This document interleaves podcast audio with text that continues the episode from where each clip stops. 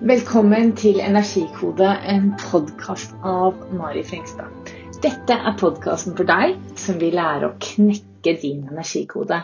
Her kobler jeg ernæring, livsstil og helhetstanke med de gamle mønstrene og de følelsene som dukker opp i deg, som kanskje holder deg tilbake. Og vi snakker om hemmeligheten bak varig endring. Velkommen til episode 18 av Energikode.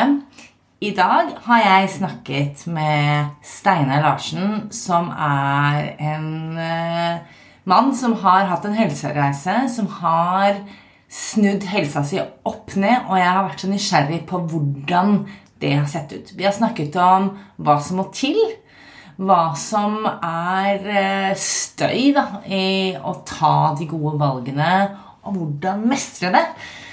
Det har vært en veldig lærerik samtale, og det håper jeg også at du syns. Jeg har gledet meg veldig til å intervjue deg, fordi jeg, du driver et selskap som heter Superstate, som jeg har vært innom og kjøpt produkter til meg selv. Eh, og jeg syns det har vært en så fin, et fint tilskudd til det norske markedet. Og så ble jeg litt nysgjerrig. Hvem er det som har starta dette her, og som kommer i kontakt. Um, så kan ikke du fortelle litt om deg selv og hvorfor du driver Superstate?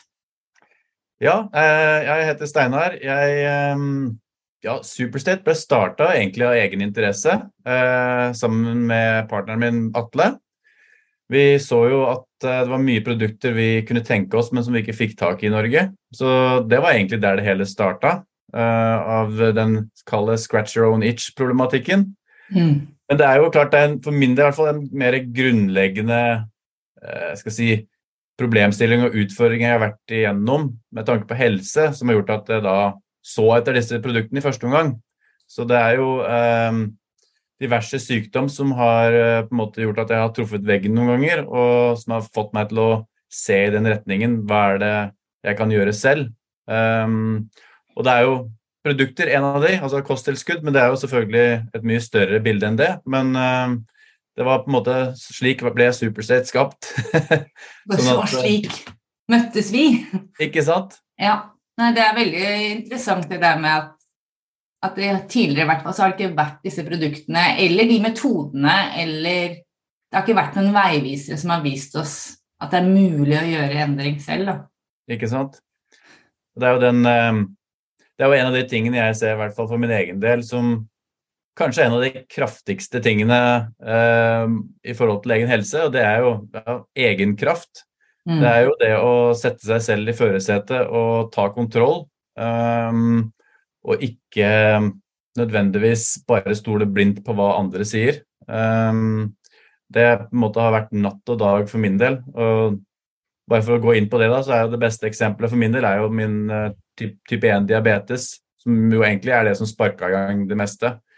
Um, da var det et eller annet som skurra hos meg når jeg satt i sjukehussenga og hadde fått diagnosen. Og um, ble på en måte fortalt det samme. Nå blir det veldig rask oppsummering av ting her, men fire år før så hadde jeg jo da fått kreft. Så det er på en måte den type 1-diabetesen den kom på en måte på toppen av så mye at jeg jeg, jeg kunne ikke heller lenger følge det derre Ja, det er uflaks. Um, det er synd. Altså, du blir på en måte bare fortalt de historiene her. Uh, uflaks, men bare fortsett som før. Um, så på en måte Det funka ikke lenger. Og som dataingeniør så så jeg det hele på måte, mer på en måte som et sånn bug i systemet. Altså, det er et eller annet i meg som ikke fungerer sånn som det skal. Men som en datamaskin med et program, så er jo det mulig å finne feilen og rette på den. Så det er det som egentlig da gjorde at jeg tok på meg den eh, kall ingeniørhatten, og endra egentlig livsstilen fra dagen jeg gikk ut av sykehuset. Så um, det var på en måte det som var sparken jeg trengte. Og um, i dag er jeg jo i en bedre helse enn jeg noensinne har vært. Så det er på en måte tilbake til den der egenkraften. Det er det som driver meg, og ikke eh, skal si, gå i både offerrolle og i måte blindt bare høre på hva andre sier. Sannsynlighetsregning, liksom. Ja. Ikke sant? Jeg vet ikke hvem som sa det, men det er noen innen eh, funksjonell medisin som har brukt bildet med at vi har en pistol, og pistolen er genene våre. Mm. Det sant, hvor, hvor, stor sannsynlighet er det for at du utvikler eh, en autoimmun sykdom sånn som diabetes type 1 eller MS eller hva det skulle være, eller for kreft eller hva det skulle være. Mm. Og så har man gått rundt og trodd i så mange år at det er de genene du har fått. Og sånn er det bare. Og så er det på en måte at man glemt at ja, men det er en trigger på den pistolen. Hva mm. er det som får den til å gå av? Yep. Og det er liksom det jeg er så skrekkelig opptatt av. At det liksom Hallo, det er tusen ting som kan få den til å gå av, men av og til så er det kan man putte de tusen tingene inn i tre-fire greier, og så kan man gå ned og finne de akkurat sånn som den bugen eller viruset i det, Ikke sant? på den dataen. Så det er et veldig, veldig viktig perspektiv, og jeg tror de fleste er ikke klar over det. Nei, og det du er inne på som frustrerer meg kanskje nesten mest, eh, er jo at det å si nettopp det eh, altså fra, jeg kan liksom si Det sånn, det er jo helsevesenet som i stor grad kommer med det her. og eh, Det skaper jo en frykt. Så de skaper jo egentlig den triggeren bare ved å si det. Altså, ja, du har den kalde pistolen, men bare det å si at nå er sannsynligheten så og så for at du kan få det, og så og så for at du kan få det, da har du jo på en måte allerede gitt personen muligheten til å trykke på den triggeren. Og ja der er det på en måte uh, skal si, Det er litt sånn min kampsak, akkurat det der. At uh, bruk nå heller uh, skal si din egen da, kraft til å se hva du er kapabel til å gjøre, og, og kjenn på det. Fordi jeg på en måte ser tilbake på det som sånn, det er sånn svart-hvitt fra det øyeblikket jeg, før jeg fikk diabetes, og etter. For før så var på en måte alt Jeg gikk på liksom den derre bare livet gikk, gikk sin gang. Og det var ikke noe det var, det var, lite målsetting, og jeg måte, hadde jo på en måte ønsker og drømmer og på en måte øh, Hva skal jeg si? Det, det var på en måte en, et slags mål, men det kom aldri til noe. Mm. Eh, men så ble på en måte Det så tydelig at noe måtte gjøres, med at jeg fikk da en ny diagnose. At det sparka noe i gang. Men det fulgte jo med da så utrolig mye mer. Det er ikke det at jeg nødvendigvis nå bare har tatt kontroll over diabetesen, men det er jo så mye mer ved livet som åpner seg når man begynner å bli kjent med seg selv. Mm. Um, og da er det jo alt fra hvordan er det kroppen fungerer best? Det er litt sånn til energikoden du snakker om. Hvordan er det jeg får mest energi? Hva er det jeg skal spise? Hvordan er det kroppen min reagerer på trening? Og ikke minst tilbake til det med frykt, men som da vi kan kanskje bruke paraplyen stress. Altså hva, hva er egentlig stress? Um, jeg var helt uh, blind på det før jeg gjorde endringen i livsstilen min. Det er på en måte Stress var noe man bare hadde i livet, og det måtte man bare Det på en måte var bare en dans man måtte ta en del av. Uh, men at man faktisk også kan være i kontroll over det, gir jo en, en ganske stor uh, skal jeg si, makt i forhold til hvordan livet rett og slett er, da. Mm. Vi, ja. Nei, jeg har tenkt veldig mye på dette her at jeg personlig, og veldig mange jeg jobber med, bruker stress som en sånn Jeg tror jeg har brukt det som en sånn superpower, men det har ikke vært det. At jeg har fått blitt supergod på å være ekstremt effektiv i så mange deler av livet og har tenkt at det er veldig bra. At jeg liksom hele tiden løper fra den ene tingen til den andre. Og sånn har jeg operert ganske lenge. Jeg, det, jeg prøver ikke å gjøre det så mye nå. Men jeg ser at den Det stresset det skaper i kroppen, det påvirker oss veldig, veldig negativt, da. Så jeg tenker at det er veldig mange som tenker at stress er bra, for da har jeg gjort så mye. At det er en sånn misforståelse der. At eh, ja, men stress Ja, det er bra å ha stress, men ikke for mye, for da skjer det ting inni oss. Og vi tenker annerledes så klart også, da. Som gjør at uh, vi ikke tar så gode valg for oss selv, da. Nei, det er akkurat uh, veldig godt poeng. Det er vel en av de si, større lærdommene jeg har gjort de siste årene med, med si, min livsstilsendring og helsereise.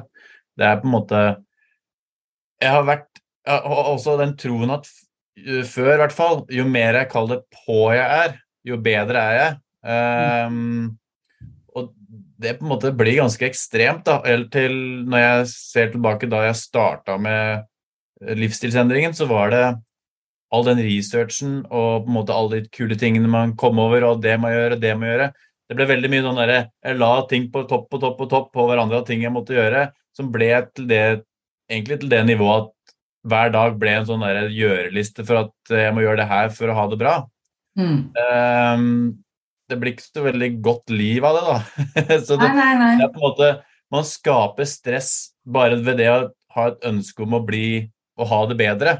Eh, men man kan jo da i stor grad bare fjerne så mye av alt det skal vi si, gjøremålen, da. Mm. Uh, nå snakker jeg litt med sånn biohacking-hatt på. Det er Ja. på måte det er det derre den målsettingen å på en måte bli bedre og bedre, som det ikke er noe galt med, men det er hvordan man går dit, har jeg måttet ta meg selv i nakken en del ganger. Eh, det blir på en måte ikke nødvendigvis bedre av å ta den tingen og den tingen og den tingen, og så må man gjøre det, og så må man gjøre det. Det var, altså, eksempler på meg var sånn Før så var det opp klokka halv fem, og så, hadde jeg måtte, ja, så måtte jeg meditere litt, og så var det å gjøre noen yogaøvelser før jeg dro på trening. Og så, altså Det var sånn der dan, dan, dan. Mm. Og det merkverdige var at når klokka ble ti, så var jeg liksom sånn Hva hadde jeg egentlig fått utført? Det var sånn, det var egentlig bare et følelse av et jag, og så var på en måte ikke jeg noe mer klar for resten av dagen. Jeg var ikke noe Det hadde på en måte ikke gitt meg den der substansen jeg kanskje hadde jeg søkte, da. Så mm, det å på en måte Nå snakker jeg for min egen del igjen. Eh, har innsett og bli bedre kjent med meg selv, sånn at hva er det som gjør at jeg har det faktisk bra? Ikke nødvendigvis at jeg har lest at noen gjorde det sånn, så da må det være bra, og så noen gjorde det sånn, så da må det være bra. Og bare følge en sånn to do-liste for livet, det, det har jeg lagt på hylla, og så har jeg lagd min egen. Ja. Um, og det spiller jo litt inn på det du er inne på med stress, altså det å på en måte heller bli kjent med seg selv. Hva er det på en måte, hva er det som skaper stresset? Hvordan er det tankene mine egentlig fungerer? Til faktisk spørsmål som hvem er jeg, og hvorfor er jeg her? Og, eh, De tingene litt sånn fundamentalt å sette seg ned og gi seg rom til å tenke på det og finne svar, det gjør litt at man heller finner sin egen, kall det manual, på hvordan Mm. er det man vil ha at livet skal være. Eh, vi var jo kjapt inne på bare det med sosiale medier før vi gikk opp på den samtalen her. Ja. Det blir så fort at man bare går inn der, og så på en måte lager man den, manualen, basert på hva andre gjør, og tror liksom at det er løsningen. Men løsningen ligger jo i seg selv, Mm. altså i å, å bli kjent med seg selv. Men jeg tror akkurat det der å bli kjent med seg selv er vel det som er det viktigste her. Jeg har jo et barn med spesielle behov som på en måte jeg har tatt fra å ikke ha språk til å ha språk gjennom biohacking og flydd til USA og holdt på mye. Mm. At, og jeg har helt sikkert bomma masse, men jeg har fått til veldig mye også. Men, men for å kunne treffe, så må man jo også prøve litt og bli kjent med det. Så det å liksom gi seg selv lite grann prøving og feiling og teste ut, men også være veldig eh, kritisk, da. Hva funker, og hva funker ikke Mhm. er, tror jeg er veldig, veldig viktig. Jeg møter jo mange som bruker Google veldig mye. Som googler symptomer, ikke sant. Og så Mm. i magen, og så gjør de akkurat sånn, så føler de jo at de har gjort alt i verden. Fordi de har gjort research basert på Og kanskje Facebook-grupper og sånne type ting. Og så har de tatt den oppskriften, og så har de plassert i eget liv, og så funker det ikke. Ofte da. Mhm. Selv om de kanskje er kjempenærme, tror jeg av og til. Men det er akkurat det du sier, at de har ikke gjort det til sitt eget. De har ikke Ja, kanskje det er masse stress i livet som gjør at at eh, blodsukkeret holder seg skyhøyt, eller at eh, det er betennelse i kroppen, eller at tankene motarbeider. Så det er ekstremt viktig, altså. Jeg skulle ønske at man hadde mer en plattform der ute til å finne ut av det her. Ja. Um, men det, ja, jeg Før det, så nå blir det igjen egen erfaring. Jeg vet ikke om noen, kjenner seg igjen, men det er det å bli klar over den støyen, det tok sin tid for min del. Mm.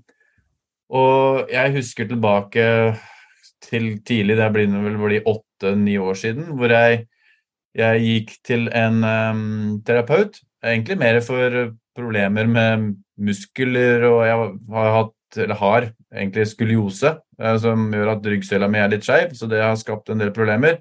Så jeg gikk til han egentlig for å få ordna på det. Men han hadde også begynt å da gå veien ned skal si, det mentale, hvordan er det tankene spiller inn, og den slags. Og han delte skal si, en, en, eh, en visdom med meg eh, som egentlig spiller på det med at vi er jo, det er jo tankene våre som på en måte former vår verden. Hvordan er det vi tenker på ting, og den kraften det har. Og det var noe jeg bare skjønte intellektuelt. Bare sånn, ja, dette, dette gir mening. Men mm. jeg fikk på en måte aldri det som en del av livet mitt før ganske nylig. Eh, en del av grunnen må jeg si er fordi jeg har vært så på en måte i den verden at jeg må være på. Det på en måte, jeg, må, jeg må komme meg gjennom den to do-lista fortest mulig. Jeg liksom være på en måte eh, altfor skrudd på, rett og mm. slett. Mm. Um, og tror hele tiden nesten mer at uh, kvantiteten er mer viktig enn kvalitet. da. Ja. Uh, og det å på en måte finne den roen for min del har vært uh, Det får deg til å innse at det er mer ved livet enn bare å løpe. Ja, ja, ja. Men det er interessant. Ja, det er litt sånn, der, sånn mentalt bilde som jeg ofte tenker på er jo sånn f.eks. hvis man skal kjøpe seg noe nytt eh, man, man, Oftest når man Man snakker ofte om eksempler man skal kjøpe seg en ny bil, f.eks. Og så har man aldri liksom tenkt på den ene bilen, aldri sett den før, og så har man gjort research og fått beskjed om at den, den, denne bilen her, Tesla f.eks., da man skal kjøpe en Tesla, og så har man aldri lagt merke til det før, og så plutselig, idet man har bestemt seg for at det er den bilen man ønsker seg, eller på, på grunn av enn, så plutselig så ser man den overalt. ja. Yep. Det, og hva det skulle være, om det er en rød sykkel, eller om det er fuglefjær, eller sommerfugler, eller bil, eller hva det skulle være. Men det er noe med hva vi fokuserer på, ikke sant. Mm -hmm. At det når man hele tiden fokuserer på alt det ene man ønsker, og det å være supereffektiv, og så er det bare det man ser, da blir liksom alt det andre litt sånn vissent bak. Ikke sant.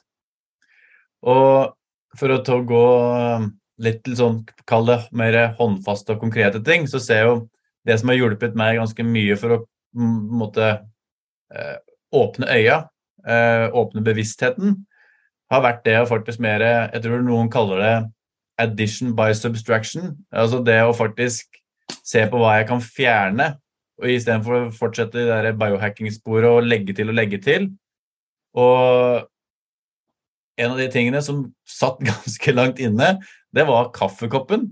Mm. Særlig da med, med koffein. Eh, jeg var så det, måte, det, var ikke en start på dagen for meg før, før jeg hadde fått det koffeinrushet inn i hodet og blodet og alt. Da på en måte var jeg klar. Men det ble på en måte en sånn falsk eh, klarhet, da. Det var på en måte ikke Jeg ble for på. Så jeg trodde liksom at nå er jeg i sona, men det var jo bare at jeg kverna rundt. Eh, litt sånn målløst. Eh, så, så, det er en av de Å bli på en måte klar over faktisk hva koffein gjør i meg, da. Mm. Eh, kona kan bare drikke så mye hun orker uten at det har noe effekt, sånn sett. Men jeg blir veldig eh, Ja, jeg har ikke et bedre ord enn på, men man kjenner igjen den der, litt sånn der vibrerende følelsen i kroppen. Uh, den er jeg glad at jeg ikke har lenger, fordi nå drikker jeg koffeinfri. Jeg kan unne meg en kopp en gang iblant, men det er ikke dere daglig må mm. ha koffeinet. Uh, så det har vært en til stor hjelp. Og når vi får spørsmål inn til Superstate, så er det en av de tingene jeg spør, fordi på en måte det er ikke alltid igjen man, ting man må legge til. Man lurer gjerne på hva er det jeg kan gjøre for det, hva er det jeg kan gjøre for det. Mm. Men spørsmålet man heller også kan bør stille seg, er hva er det jeg kan heller, hva er det i livet mitt som jeg kan fjerne? Um, og det var en av de tingene som har gjort stor, stor, stor forskjell på hvordan jeg har det. Det er faktisk en av mine erfaringer også, generelt, eh, i, med kunder jeg jobber med, i forhold til mat og kosthold og sånn. Ja, jeg, der er det jo ofte en tendens hva skal jeg kutte ut? Mm, eh. Det er jo det folk tenker, og, og det, er, det, tror jeg er liksom, Ofte så er det én ting eller to ja. ting, og så plutselig løsner alt. Mm. Um, at det er litt viktig, men jeg tror også ja, så, um, Det er en viktig ting å tenke på. Hva er det man uh, Man tror ofte at man kan liksom De sier på engelsk at you can, you can do everything, but you can't do it at the same time. Mm -hmm. yep. Det er noe med det. Ja. ja, jeg kjenner meg igjen der òg. Det var sånn det var det jeg i hvert fall i mange år da jeg begynte, trodde jeg kunne gjøre. Måtte finne, finne den ene nøkkelen som løste alt for meg. Det var den jeg, jeg, jeg søkte etter den. Eh, og innså at det var feil måte å gå frem på, men det var på en måte lenge det. Og det skapte så mye frustrasjon på en måte når man Litt tilbake til det de du snakker om som kommer til deg. Man på en måte søker hele nettet etter en løsning, og så legger man egentlig alt i den. Altså nå, mm. dette er det som på en måte snur hele livet mitt. Og så er det jo ikke det. Og så da blir det egentlig en ekstra nedtur. Så da man på en måte er der, og så tror man at man skal opp, men så går man faktisk lenger ned. Um, og det er litt skummelt, fordi da starter det fort en sånn negativ spiral, da. Um, og er man ikke nå snakker jeg igjen, egen erfaring, er man ikke klar over faktisk at den, hva som skjer i hodet, og at det er tankene hvor de er på vei, mm. så kan det gå ganske Da blir det på en måte til at man kan gjøre harmfulle ting med helsa igjen, da. Så mm. det er og det er liksom også, tenker jeg da Jeg vet ikke om du har et veldig kjent studie fra Nature som, eh, om eh, det som kalles epigenetikk. Hvordan mm. genene våre blir skrudd av og på. Dette er et kjent studie som jeg snakker ofte om, som, eh, som handler om altså fra andre verdenskrig og holocaust, og hvordan Dette var en, en by i Nederland, tror jeg, som tyskerne omringet, som de var utsultet. De prøvde å sulte ut denne byen, og så har de fulgt av disse kvinnene som var gravide eh, under denne utsultningen, og barna deres inntil nyere tid. Og så har de jo sett på en måte at det er jo disse barna som har ikke sant, De har vært redde, disse mødrene. De har, altså, de har ikke fått nok næringsstoffer. Det er en hel rekke faktorer da, som har påvirket.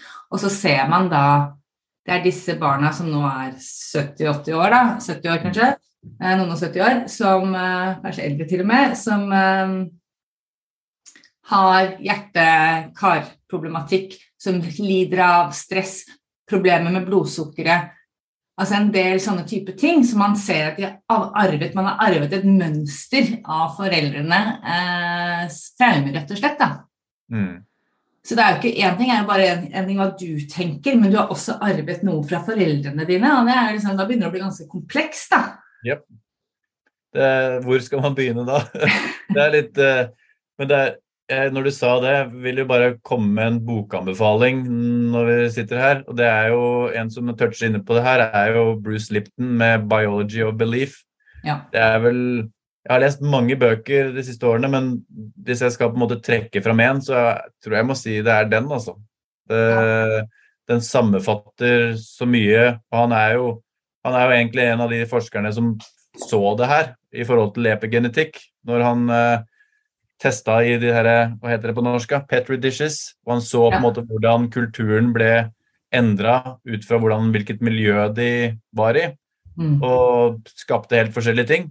Så um, det setter veldig, veldig Det blir veldig tydelig igjen. Miljøet er da Hva er det? Det kan jo være på en måte Her sitter vi i forskjellige typer omgivelser, men miljøet er jo enda mer igjen tilbake til tankene. Hvordan er det vi hvordan er det vi ser på verden? Mm. Det former jo ting, som du er inne på. Nei, så Det er vanskelig da, å gjøre det her selv. Så liksom, hva, Hvordan ser morgenen din ut om dagen? da? Hva er liksom morgenrutinen nå?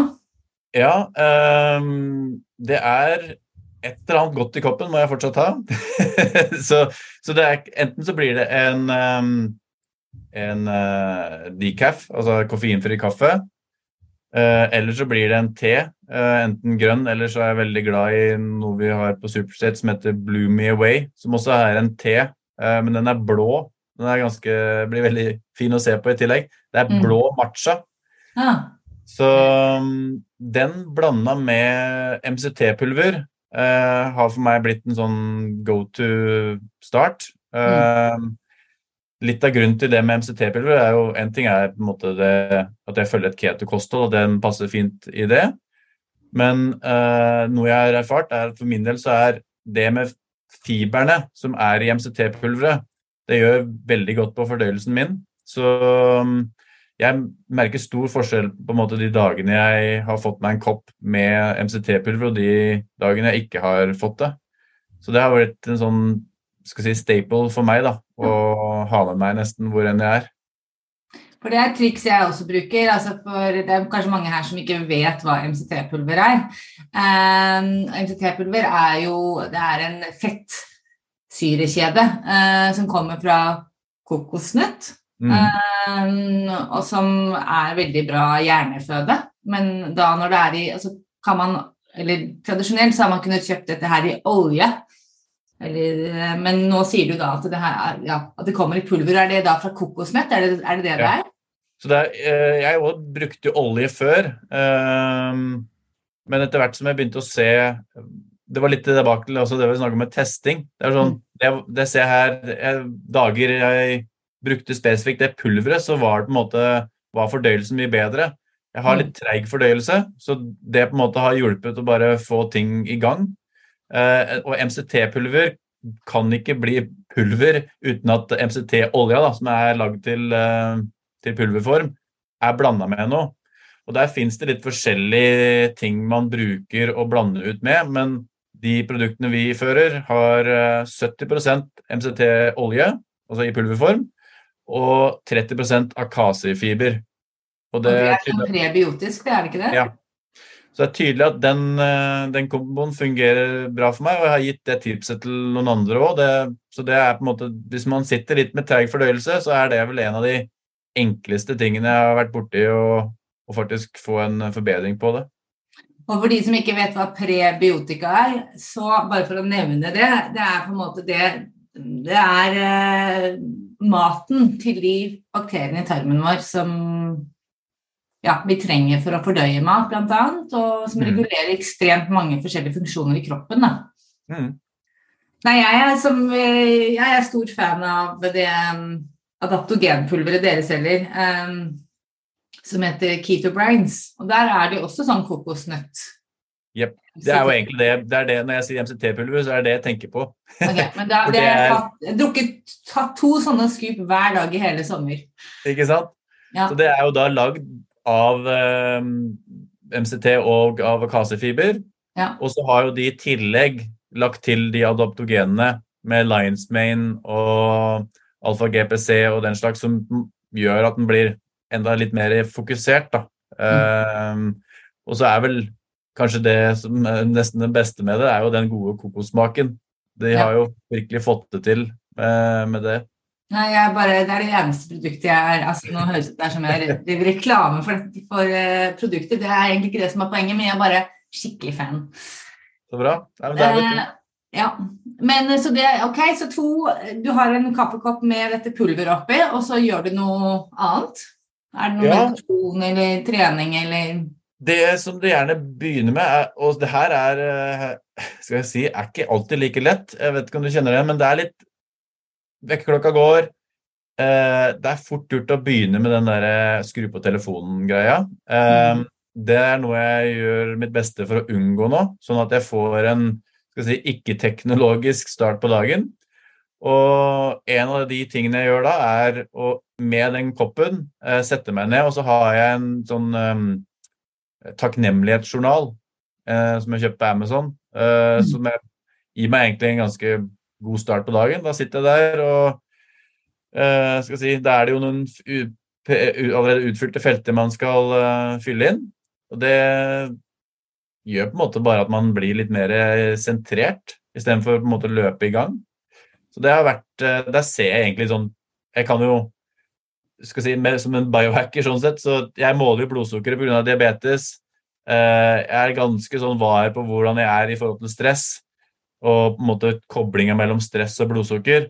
Og jeg ser på en måte når man jeg er i en god rutine med takknemlighet, og, og på en måte ta det inn i livet, mm. Så på en måte er det sånn at dominobrikkene bare begynner å falle mye enklere på plass i forhold til alt annet med helse og velvære. Så, ja. Det kan jeg veldig tydelig se egenerfart og med andre også. Og jeg tror liksom det er faktisk litt hemmeligheten, altså. De, de mm. tingene der. Eh, jeg tenker ofte sånn det Det når man tenker en god tanke, da, og f.eks. takknemlighet, som har en veldig høy frekvens på et vis. Mm. Og så er det jo sånn at eh, hjernen vår liker å tenke tanker den har tenkt før. Så det mer vi tenker de tankene, jo lettere blir det jo å tenke de igjen. Mm -hmm. Så det, det, setter jo virkelig liksom the scene for the day, på et vis. Ja. ja. Så det, det, det er noe annet. Du kan jo prøve å tenke deg sammenligningen. Du setter deg ned med en god kopp med noe og en penn. Det er noe med det for meg, da. Å, å skrive i en faktisk bok. Mm. Uh, versus skru på telefonen, og så bare kommer notifikasjonen bare bang, bang, bang. Det er på en måte uh, Du ikke har noen kontroll på ja, ja. Og det er verdt Altså, det tar jo ikke lang tid å sette seg ned der. Uh, men, og det er vel det jeg før har tenkt at nei, det tar, det tar for lang tid. Det er rart hvordan det er med de måte, gode rutinene. Hvordan man i tankene tenker at det her tar jo sikkert halve dagen å gjøre. Men så setter man på en timer, så er det sånn Oi, det var tre minutter, da, gitt. Ja. Eh, det er så på en måte eh, Man lurer seg selv, da, egentlig, mm. til å ta de gode valgene. Um, men det er i hvert fall noe jeg ser en veldig stor uh, positiv forbedring på ved å gjøre.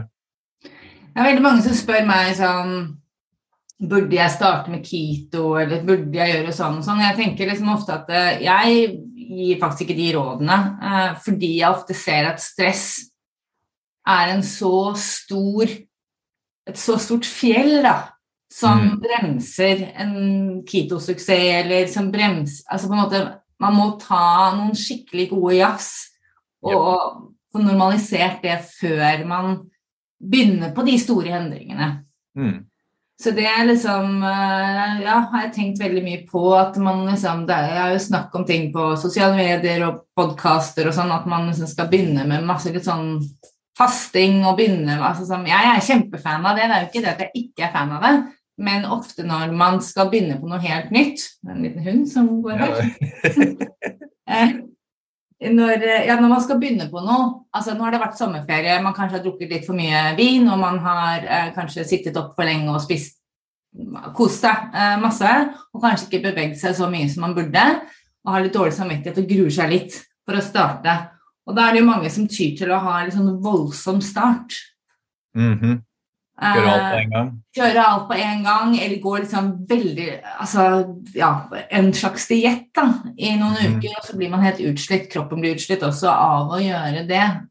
Fordi man jeg tenker at En av den største hindre for suksess der, er jo det at man går inn med det hodet som er fullt av masse tanker, og man er stressa, og man, ja, altså da, Noe som gjør at kroppen stritter mye mer imot, da. Absolutt. Nei, det er det jeg ser. Ehm, jeg kan jo bruke da meg selv med diabetes som et eksempel. Eh, som jeg var inne på, så er jo blodsukkermåling en del av min hverdag. Ehm, nå er jeg såpass kjent med måte, meg selv, så jeg måler bare én gang, og det er på morgenen, fastende. Så det mm. gir meg en pekepinn på hvordan gårsdagen var, og egentlig da hvordan eh, jeg setter opp dagen i forhold til å sette insulin den dagen. Um, og, og, det er på en måte de de brikkene da, i forhold til livsstil. Hva er det jeg har spist? Hvordan trente jeg? Hvordan var stressnivået?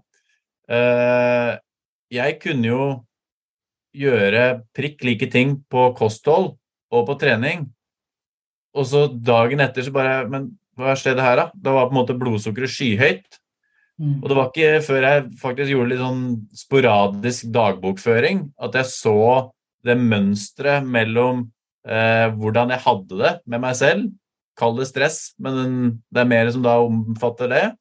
Og blodsukkeret. Så det var det som på en måte bare fikk meg helt ned den veien at det er jo, det er jo mye mer enn spis det, tren sånn, eh, og ta det og de kosttilskuddene. Det er eh, igjen den kraften som sitter i hodet, uh, og hva som kan Hvordan den egentlig styrer hele showet, da. Mm. Um, og det er det er et tema som jeg syns er litt vanskelig å snakke om, for det blir litt mer skal jeg si, ikke så håndfast som det å si nå på keto så spiser jeg sånn og sånn og sånn. Eh, det er veldig, det er veldig konkret for meg å si ja, jeg begynner med det, med en MCT-pulver. Det mm. funker som bare rakkeren. Men om jeg sitter her og er superstressa når jeg drikker den koppen, så blir ikke det samme effekten som jeg om jeg hadde sittet der og er skal si, i sona. Mm. Um, så helt, helt, enig i det, den erfaringen du har sett, at um, er man ikke klar over hvor på eller stressa man faktisk er, så blir det på en måte at man bare kaster alt annet av livsstilsendringer um, i bøtta. Det mm. blir på en måte lite valuta igjen. Um, ja. Og så gir man jo opp, ikke sant. Man har prøvd noe i to uker, og så har ikke vekta rikket seg, eller man føler seg like sliten, eller man føler seg like overveldet. Mm -hmm. Og så tenker man dette her er ikke noe for meg. Dette her funker ikke, livsstilsgreiene. Det er bare tull. Jeg fortsetter der hvor jeg er. Og så, sant, så kan man jo da gjøre det her noen runder, og så er man jo et sted hvor man ikke vil være, da. Mest sannsynlig. Jeg får, jeg får et sånt bilde i hodet som jeg håper kanskje hjelper noen der ute. Eh, det er så fort gjort å tenke når man skal begynne med en endring i livsstilen, at man ser det på en måte i det utrolig korte, et utrolig kort tidsrom. Og hva hvis du liksom, som en iPhone, du bare zoomer ut, og så ser du det hele i et mye større bilde? Det har på en måte vært gjort så mye for meg. For jeg, som sagt, jeg så etter den nøkkelen helt i begynnelsen når jeg fikk diabetes. Jeg skulle liksom bare fikse det greiene her. Jeg skulle finne den der bugen, og det skulle jeg finne så fort som mulig. Uh, og nå sitter jeg her elleve år etter. Jeg har ikke på en måte kommet dit jeg kan si vil med diabetes. Jeg har jo, jeg har jo faktisk et, et, håp her om å finne den der bugen. Uh, men det har på en måte blitt en del av så mye større Uh, jeg har zooma ut. Det er greit for meg om jeg sånn sett eh, tar insulin når jeg er 70, men jeg vet også da på den reisen at jeg har på en måte fått kjent på noe mer. Jeg, er, lyst, jeg er, mer lysten på å bli kjent med hvem er jeg, hva er det annet jeg kan gjøre med helsa, sånn at jeg skal si har eh, Jeg er ikke krokrygga når jeg er 70, eller har andre smerter i kroppen, eh, på en måte andre typer ting som gjør at livskvaliteten ikke er der lenger. Da. Mm. Eh, og det, det ser man ikke, tror jeg, før man på en måte skjønner at ok, jeg har lyst til å gjøre noen endringer i livet mitt, men det kommer til å ta livet mitt å gjøre det. Altså det å på en måte legge fra seg den tanken at nå skal jeg fikse det her, og når jeg har fiksa det, så er alt annet på plass. Det er Ja, det er dessverre ikke sånn det er. Og, og, det er egentlig bra at det er sånn. For på en måte Det er så mye mer man eh, skal si blir klar over når man på en måte har bare åpna døra opp, mm. og så begynner man bare å se at å, kroppen min reagerer sånn på den maten, men sånn på den maten. Og så blir man på en måte kjent med seg selv, og så begynner man å gå inn skal si, og skriver sin egen manual da, eh, og blir kjent med seg selv. Um, og det spiller igjen tilbake til den der egenkraften. Den ser jeg bare Da kommer den inn, og så bare Jøss, jeg klarte det her. Og så begynner man liksom å legge seg på neste lag, og den på en måte skal si, selvtilliten eller den følelsen som skapes rundt det, da, den har jo en enda mer positiv innvirkning på helsa. Og så bare begynner den spiralen å gå, og det eh, Den følelsen får man ikke hvis man ikke begynner å ta stegene selv. Man får det ikke, dessverre, med å bare høre på hva andre sier og tenke at ja, det høres smart ut. Eller spise litt bedre én dag, og så glemme det de neste. Man må på en måte ha eh, Jeg har vel sagt det andre steder. Eh, det er den med den nysgjerrigheten. På en Mm. måte Tillat deg å være nysgjerrig, og ikke tro at måte, svaret skal stå foran deg med en gang. Men på en måte test. Test den tingen, og så tester du en annen.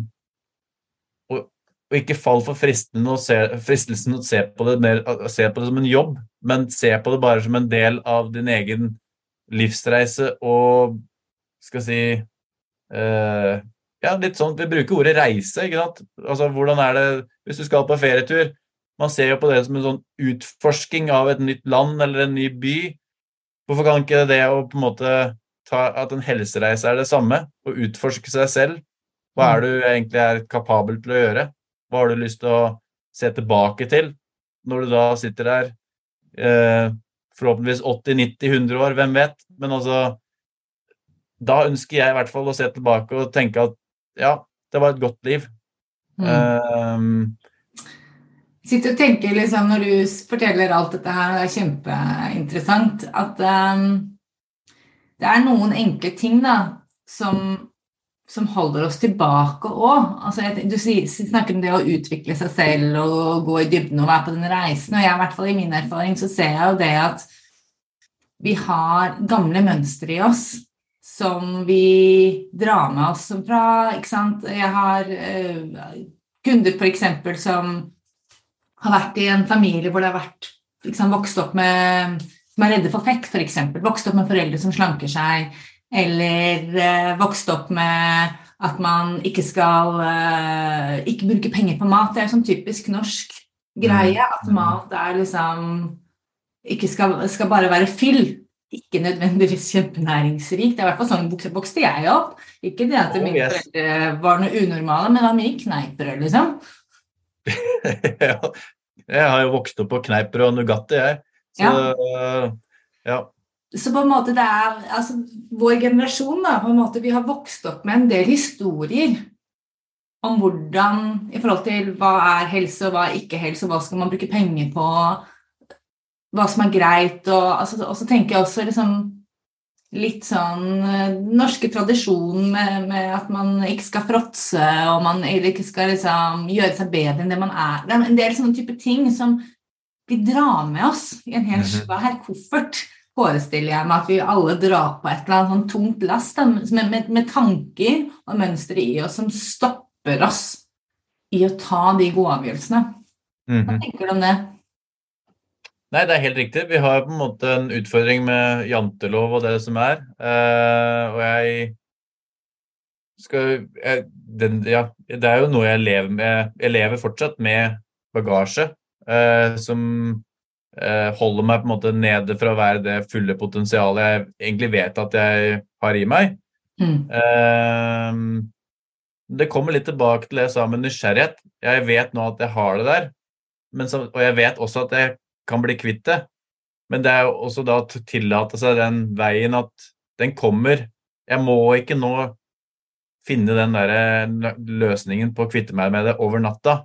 Jeg vet at det er der, så blir det mer at man skal si, Se for deg at du maler et bilde, da. Altså hvert penselstrøk legger seg på canvaset, og over tid så ser du på en måte det, det ferdige bildet. Men det å tillate seg hvert enkelt strøk Det har så mye å si. Eh, fordi igjen, jeg bruker det å åpne døra.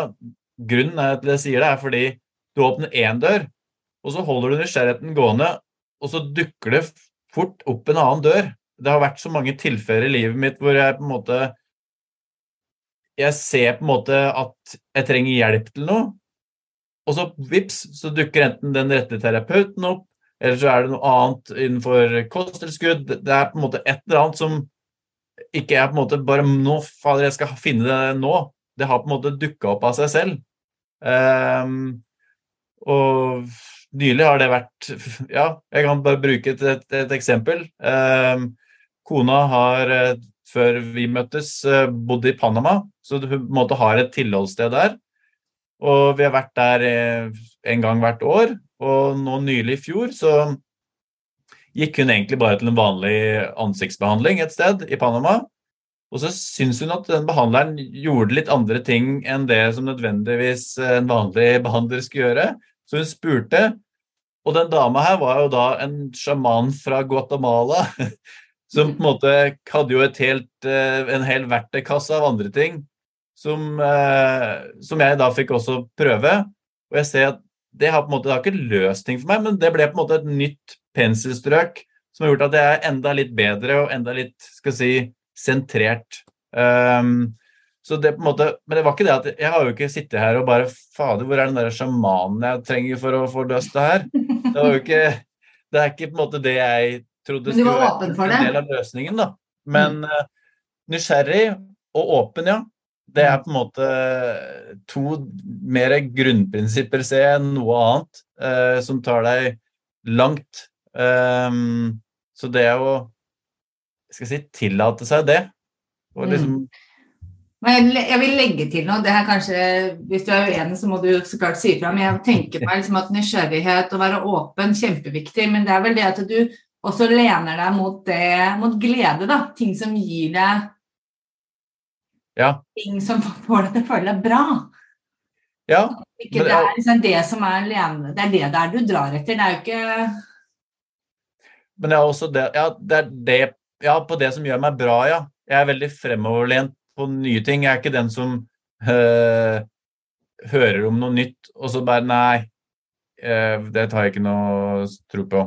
Jeg vil mm. heller prøve det og se om det fungerer, før jeg på en måte av, bare forkaster det.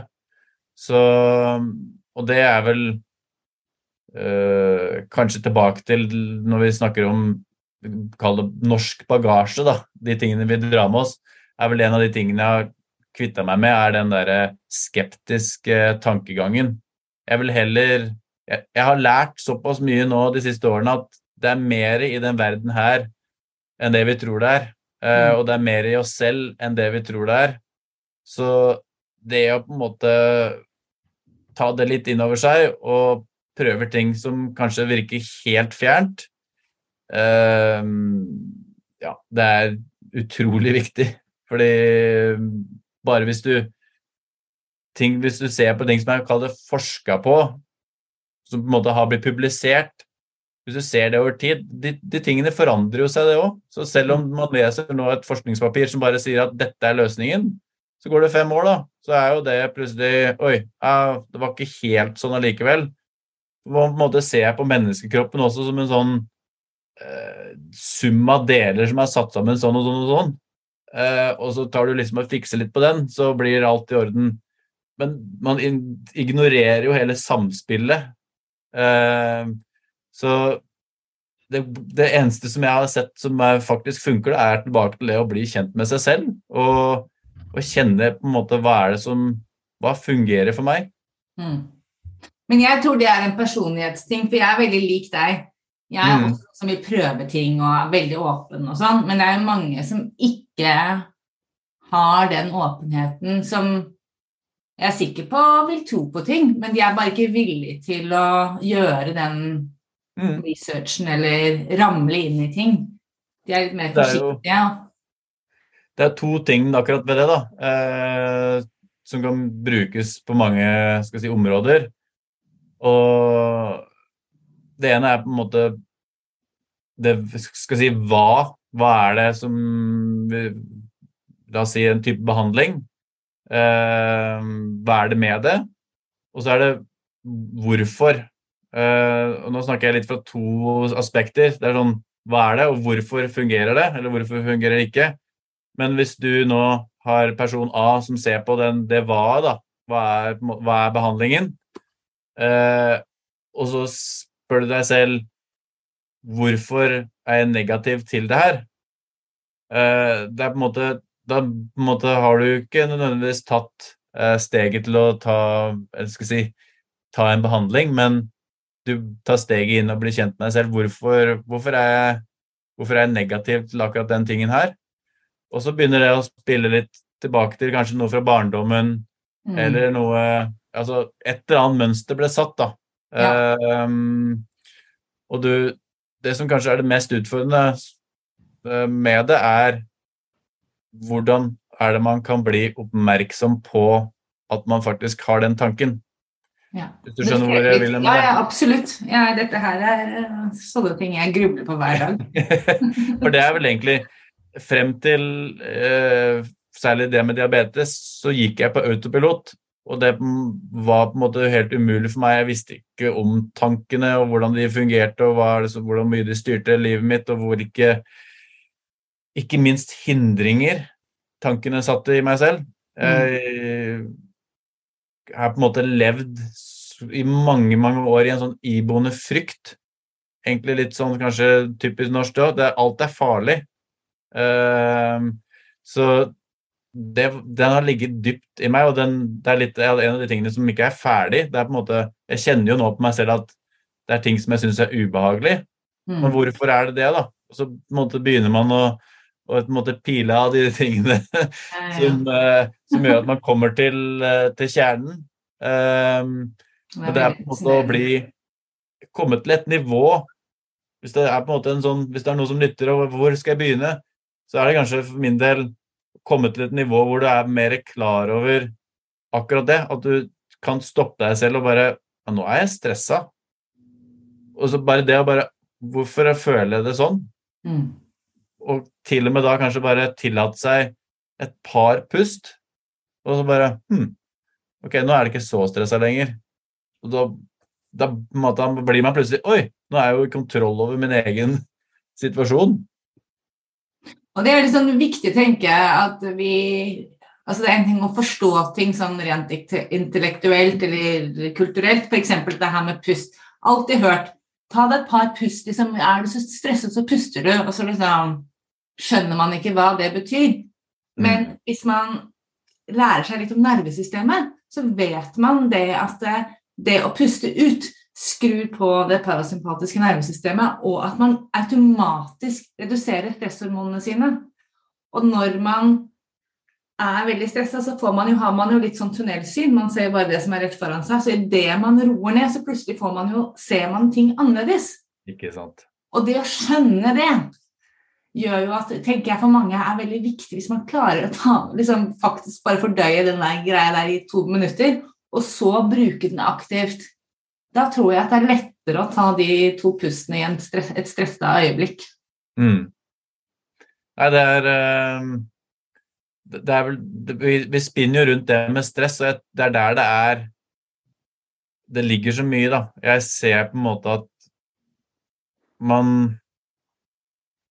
Jeg likte litt ordet å bruke, kalle det manual, men man, blir Man tror at livet skal være på et visst vis. Man, man på en måte at er på en måte det står skrevet et sted, tydeligvis eh, en boks, at du har, hvis du lever livet etter sånne og sånne prinsipper, så har du gjort det riktig.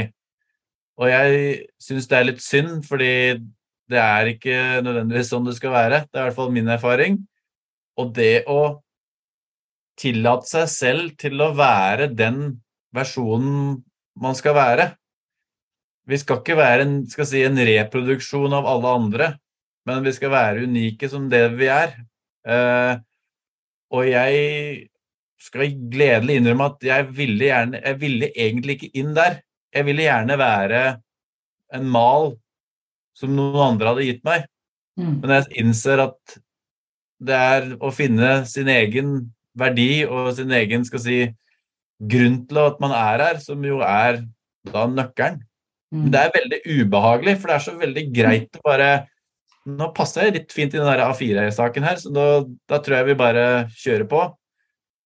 Men for meg så Jeg begynte der, har vært gjennom noen eh, slag i trynet i form av sykdom, og da på en måte skjønner man at ok, kanskje jeg skal prøve å se litt utenfor den boksen, og så bare får man en helt annen, et helt annet syn på livet.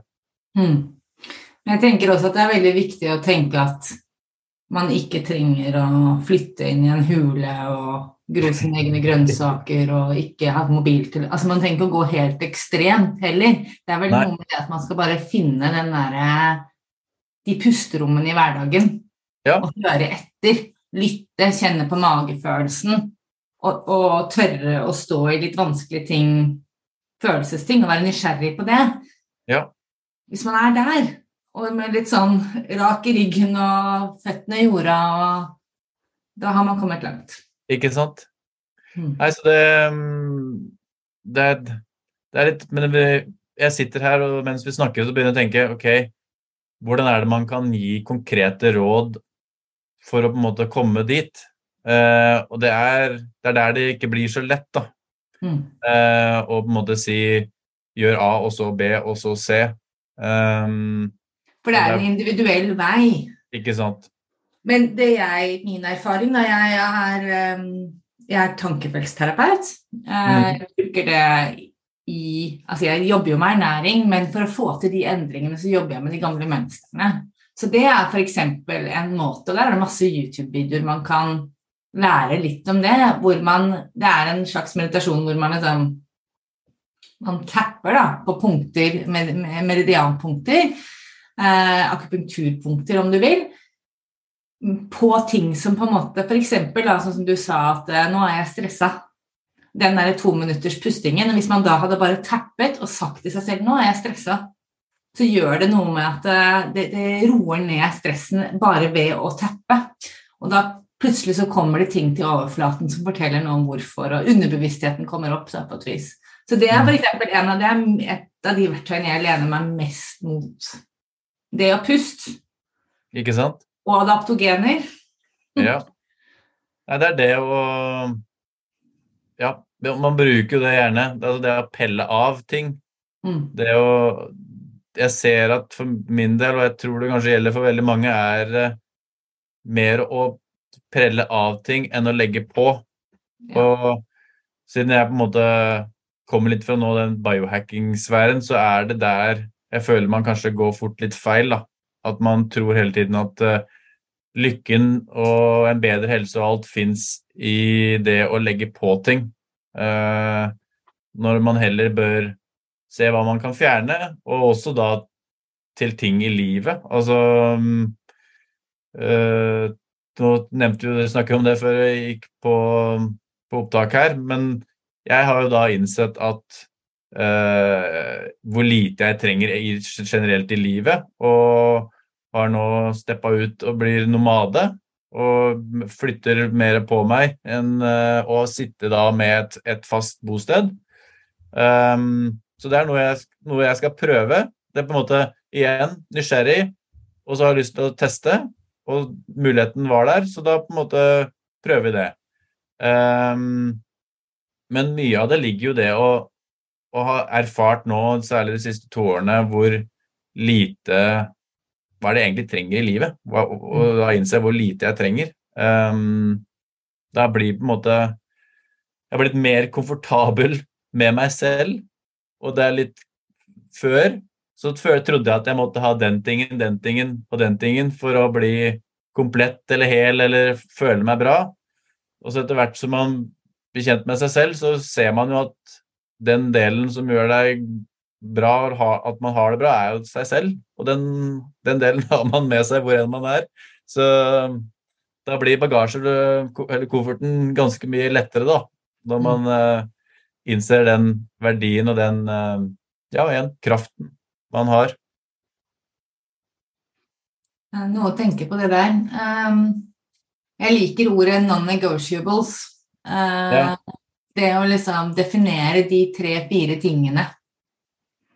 Eller hva det skulle være. Tre tingene. Hva er det som er viktig for meg, som jeg skal gjøre hver dag? Mm. Så at det ikke er en liste på ikke sant, ti kosttilskudd og alt dette, den, den der kjempelange lista som bare blir lengre og lengre, men at man gjør det til liksom overkommelig små ting. Mm. Det definerer meg, eller det trenger jeg for å være mm, den beste versjonen av meg selv. Mm. Det å finne den tror jeg er løsningen. Ja, og det blir, eh, når du sier det, det, det blir ting som eh, Ja, ikke nødvendigvis er materialistiske. Mm. Eh, jeg ser da For min del så er naturen er utrolig viktig for meg å være i nærheten av. Og ha, måtte være omgitt i det av en eller annen form. Um, og så er det litt sånn ja, familie og samhold. Jeg ser at jeg er sånn Jeg husker ikke hvilken av de si, testene man kan ta. Man må, må sånn, bli kjent med selv-tester hvor man får på en måte et bilde med, basert på input man gir. Jeg husker ikke hvilken av det jeg brukte engang, men eh, svaret som dukker opp, var at jeg er da en veldig skal si, fysisk person. Jeg liker nærhet. Mm. Så det å på en måte holde hånda til kona når vi sitter i sofaen, eller på en måte eh, gi klemmer det er, Ikke sant? Ja. Det, det, er på en måte viktig for meg. Eh, så det å på en måte være i en et forhold hvor det er bare Det er helt åpent, og man på en måte kjenner at det er trygt å kunne mm. være den personen. Det er på en måte skal si, en sånn non-negotiable uh, for min del. Uh, og ting jeg ikke kanskje var klar over heller da for noen år tilbake. Så man ser liksom igjen Man blir lag for lag bedre kjent med seg selv, og så på en måte uh, når man nye kvaliteter rett og slett ved mm. livet som man egentlig ikke visste var der. Da. Så det å være åpen for den reisen og bare finne ut de tusen puslespillbrikkene én av gangen, mm. pusterom imellom, høres ut som en god plan. Ikke sant? Knekke energikoden kaller, kaller jeg det. ikke sant? Men for min del, og det er jo det som er forskjellig, for min del så er jo keto er jo en del av min er jo en, sånn sett en non-negotiable.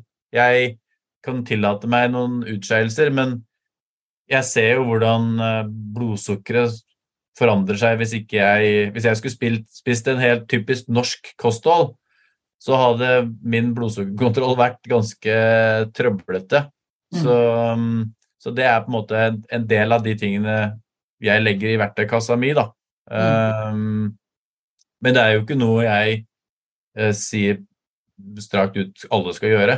Uh, måte, jeg har på en måte funnet ut at det, det, fungerer bra for meg. Og selv det å bruke da Jeg sier jo keto, fordi det har blitt en greie de fleste kjenner seg igjen i, men målsettingen min er jo ikke å nødvendigvis være i ketose. Målsettingen min er jo blodsukkeret. Ja. Og det å optimalisere blodsukkeret er for meg å redusere karbohydratene. Og så blir det på en måte en følge av det at jeg nok dypper tåa ned i ketose. Men det er ikke driveren. Mm. Så det er litt sånn hvordan igjen finne på en måte målsettingen og, og, legge opp en plan deretter. da. Og Det er da ulikt fra person til person. Jeg også tenker at eh, mitt, Min målsetning er også faktisk dette her med balansert blodsukker er kjempeviktig for meg. Altså fordi jeg har også liksom, i forhold til betennelse, energi etc. Og jeg har funnet ut at det viktigste for meg er ikke den er å spise nok fiber. Ikke i mm. kornprodukter, men jeg er liksom jeg, Altså grønnsaker, egentlig. Så jeg er sånn halve tallerken grønnsaker til hvert måltid. Det, hvis jeg ikke gjør det, så fungerer ikke jeg like godt. Ikke sant? Ja, ikke sant? Og proteiner, det betyr også at jeg så klart er mindre brødmat og den type ting, da. Men, men, det er liksom sånn jeg ser at det er forskjellen på en bra dag og en dårlig dag. Ja. Og kanskje i hvert fall hvis jeg tenker dagen etterpå, sånn som du nevnte tidligere. Så ja, spennende. Ikke sant. Nei, det er eh, det. det, er det. Og jeg hvis vi kan bare bruke et minutt på kosthold, så viser det også for min del hvordan det er hele tiden en, ferd. Fordi jeg begynte jo da med keto eller lavkarbo dagen jeg gikk ut av sykehuset. Og det var jo et kosthold av den mer typiske når man tenker lavkarbo. Det var jo på en måte fløte, det var alle de der fettkildene. Eh, og det fungerer jo Det fungerer glimrende, det. Men etter hvert så gikk jeg og gjorde en blodtest, og så innså jeg at ah, melkeprodukter det var ikke helt for meg. Så da eh, ble på en måte det fjerna. Da forsvant mm. fløten og alt det der. Eh, og så blir det sånn Hm, hva gjør jeg nå? Og så kom jeg over kokosmelk, og så bare Oi, det var jo ganske bra. Og så er på en måte det problemet løst. Og så ser jeg nå over de siste årene, så har jeg hatt et ønske om å Jeg har alltid vært syltynn. Og det å være på en måte lavkarbo det hjelper ikke nødvendigvis på, på den situasjonen. Mm. jeg har på en måte satt i gang med større treningsrutiner. Og det, på en måte, det var på en måte hjalp litt, men det stagnerte på et tidspunkt. Og da ble det på en måte at man så igjen på hva er det man gjør. Og nå har på en måte min keto-reise nå forandra seg til at fettet er ikke så viktig lenger, men nå er det proteinet som du er inne på, som er Mm. det jeg nesten har en virkelig målsetting på nå, da. Uh, hver dag. Mm. Så, um, så det er noe som forandra seg helt fra når jeg begynte. Da var jeg på en måte protein fy-fy, for det kunne jo uh, gjøre blodsukkeret ustabilt. Og sette den ut av ketose og alt det der. Men Mm. nå på en måte omfavner jeg mer uh, protein. Eh, for hva ellers skal kroppen bygge ting ut av, hvis man ikke får i seg det? Eh, men det er ting man lærer, da. Så det er ikke det at jeg nå bare Søren, hvorfor finner, fant jeg ikke ut av det her før? Men det var Det er reise, som du sier, da. Og det er kjempeviktig å forstå. Og det er ikke gjort over natta. Nei, det er nettopp det. Og det er fint å kunne diskutere og finne Ja, være i en gjeng eller ikke sant, som kan Eller være i et miljø da, hvor man kan snappe opp litt sånne sånn type kunnskap, men også diskutere Mm. det liksom, for å finne den beste løsningen. Mm. Absolutt. Og da starter man sin egen eh, ernæring, kosttilskuddbedrift, for da får man jo det miljøet. ikke sant, jeg skulle til å si det. Hvor er det man finner det der? Nei, det er mange av oss der ute. Det er masse bra mennesker i Norge nå, og det har vært det lenge også, men jeg syns spesielt siden jeg flyttet til Norge for seks år siden, så plutselig Jeg gikk fra å være bekymret til nå å liksom tenke nå trenger jeg ikke utlandet lenger. Jeg trenger ikke å dra til Statene eller til England for å plukke opp ting. Nei. Nå er veldig mye her nå. Nå er det mye som er lovlig, det er mye som Ikke sant. Det er, det har endret seg veldig, og takk for det. Jeg er veldig, det er veldig fint. Ikke sant? Nei, det går etter veien. Så det er jo ikke noe skal si, bedre tid å, å se på seg selv og helse og på en måte være nysgjerrig på den, på den reisen. Det er jo betydelig mye lettere. Eh, og at det da også fins ja, terapeuter som deg selv, da, som har gått veien selv og kan tilby ting som ja, egentlig, vi kan si det sånn, eh, TFT er jo jeg skal si egentlig litt inn i boksen, syns jeg, da, men eh, det er også utenfor. Så Ja. på en måte eh, Det det. Men at det, at det er en del av verktøykassa du kan tilby. Det er Ja, ikke bare nå at du lager en kostholdsplan, så vær så god, ha det bra. Nei, det funker ikke. Ikke sant? Så det måte, man får et mer komplett eh, skal si, en komplett vei da, og gi støtte Uh, på veien. persontilpasset, på en måte. Mm. Men også hvor man eh, Jeg liker å utfordre folk, da. På, og liker å utfordre meg sjøl, også liksom på den der konformiteten. Altså på hva er det vi ikke vet? Hva, hvilke andre verktøy har vi? Mm. Og det er jo det er jo mange, mange ting som på en måte som går an å gjøre, som er ja, coachingøvelser eller eh, sjamanisme eller healing eller hva det skulle være. Det er masse ting der ute som kan funke for noen og ikke for alle. Så det Ja. å finne den nøkkelen, knekke den koden, er det som er viktig.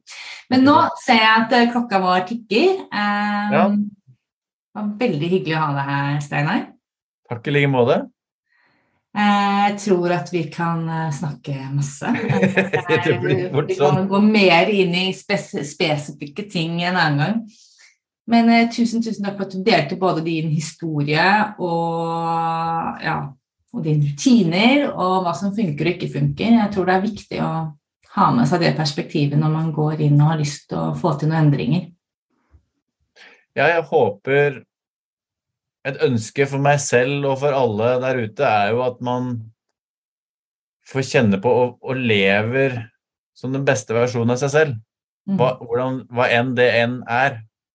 Men det å komme ut av noen gamle mønstre som ikke gir en noen ting, og faktisk omfavne livet for det det er, den korte stunden vi er her ehm, Det er bedre å innse det før enn senere, i hvert fall. Og mm, lytter man på den podkasten her, så er man gjerne kanskje litt interessert i det. Så eh, jeg håper virkelig det. Det er mitt, min store drøm i, skal si, i dette livet, er å måte se hver av oss på en måte skinne det lyset som vi faktisk er, da. Eh, Amen. Så mm, jeg med, med Superstate så ønsker Det er på en måte et av de tingene som på en måte Vi er her for å hjelpe og dytte og gjøre hva enn på en måte for de der ute som, som er nysgjerrig, som vil på en måte et sted og kanskje ikke mm. vet helt hvordan. Så da er det det er mange av oss der ute som, inklusive deg, da, ikke sant, som vi er her. Vi, vi heier på alle som eh, er nysgjerrige og ønsker noe mer. Godt å vite. Ja, jeg syns alltid det er så vanskelig å få disse her podkastene til å avslutte, men nå sier jeg stopp, og takk for nå. Tusen takk. Ha det bra. Ha det.